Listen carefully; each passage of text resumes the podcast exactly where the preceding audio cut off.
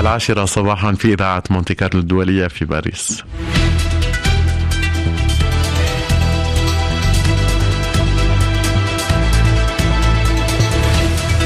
إلى نشرة للأخبار مع فايزة مصطفى. صباح الخير فايزة. صباح الخير باسم صباح الخير مستمعينا الكرام وإليكم العناوين. حركة حماس ترجح إمكانية الاتفاق على هدنة في غزة خلال الساعات المقبلة.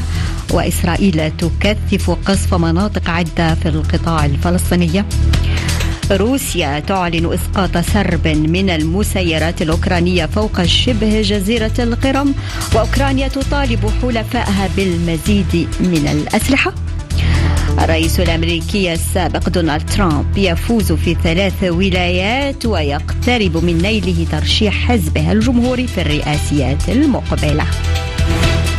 مونتي كارلو الدوليه نشرة الأخبار. نستهل نشرتنا بتطورات الحرب في قطاع غزة.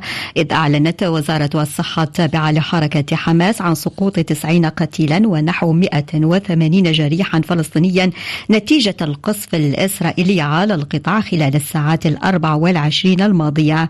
فيما ذكرت وسائل إعلام إسرائيلية إن الجيش الإسرائيلي شن خلال الليلة الماضية أكثر من خمسين غارة جوية على خان يونس جنوب قطاع غزة كما شن عملية برية في مدينة حمد شمال هذه المدينة.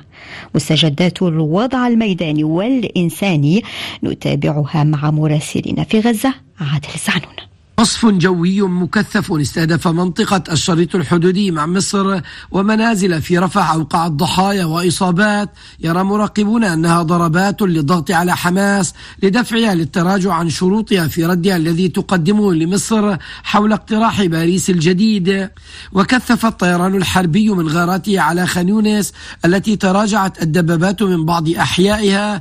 لكن في بلدتي عبسان والقرار الحدوديتين شرق المدينة دارت اشتباكات عنيفة لليوم الثاني على التوالي تقول كتائب القسام إنها فجرت مبنى تحصن فيه نحو عشرين جنديا قتل ثلاثة منهم وأصيب الآخرون في وقت استقبل المواطنون المساعدات الغذائية التي أسقطتها طائرات أمريكية للمرة الأولى في القطاع بالترحاب لكن كثيرين اعتبروا أنها غير كافية في ظل مجاعة تتفشى في شمال القطاع وتتسلل لجنوبه من رفح عادل الزعنون مونتي كارلو دولية إنسانيا دائما أكد المفوض العام لوكالة غوث وتشغيل اللاجئين الفلسطينيين أونروا فيليب لازاريني أن الحرب في غزة خلفت أكبر عدد سجلته الوكالة من قتل عمال الإغاثة والصحفيين مقارنة بالنزاعات التي شهدتها مناطق أخرى. أما دبلوماسيا وتزامنا مع وصول وفد حركة حماس إلى العاصمة المصرية القاهرة. اليوم رفقة وفد قطري للمشاركة في محادثات من أجل التوصل إلى هدنة جديدة في غزة.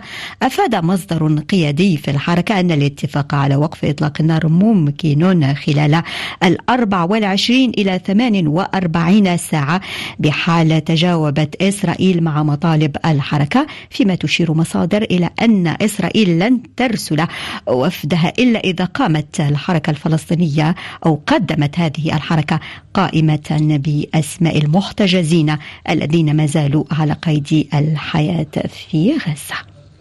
أكد الجيش الأمريكي اليوم أن سفينة الشحن روبيمار التي تحمل أسمدة قابلة للاحتراق واستهدفها الحوثيون اليمنيون في الشهر الماضي غرقت في البحر الأحمر وباتت تمثل تمثل أقول خطرا بيئيا وفي ملف الغزو الروسي الأوكراني أعلنت وزارة الدفاع الروسية عن تدمير منظومتها الدفاعية 38 طائرة مسيرة أطلقتها أوكرانيا فوق شبه جزيرة القرم. وفي الولايات المتحدة فاز الرئيس السابق دونالد ترامب بالانتخابات الداخلية للحزب الجمهوري في ولايتين أمريكيتين. التفاصيل معك لميس زين الدين. الملياردير الجمهوري استطاع التغلب على منافسته نيكي هايلي آخر منافسيه المتبقين على بطاقة الحزب الجمهوري وذلك بعد فوزه بكل المجالس الانتخابية التي نظمت في ولاية ميسوري بحسب ما ذكرت صحيفة نيويورك تايمز. في ميشيغان فاز ترامب أيضا بأصوات جميع المندوبين التسعة والثلاثين الذين حصلوا بدورهم على أصوات نحو ألفي مقترع خلال مجلس انتخابي وفق ما ذكرت شبكة سي أن أن. وقد فاز ترامب في كل الانتخابات التمهيدية التي أجريت حتى الآن.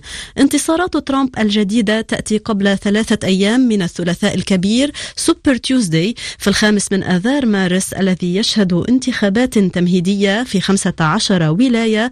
يتوقع أن تحسم نتائجها تفوق ترامب في السباق لنيل ترشيح الحزب الجمهوري على منافسته الوحيدة هايلي وفي في باكستان أقول سيصبح السياسي الباكستاني شهباز شريف رئيسا للوزراء للمرة الثانية عندما صوت البرلمان المشكل حديثا بعد مرور ثلاثة أسابيع على الانتخابات الوطنية غير الحاسمة.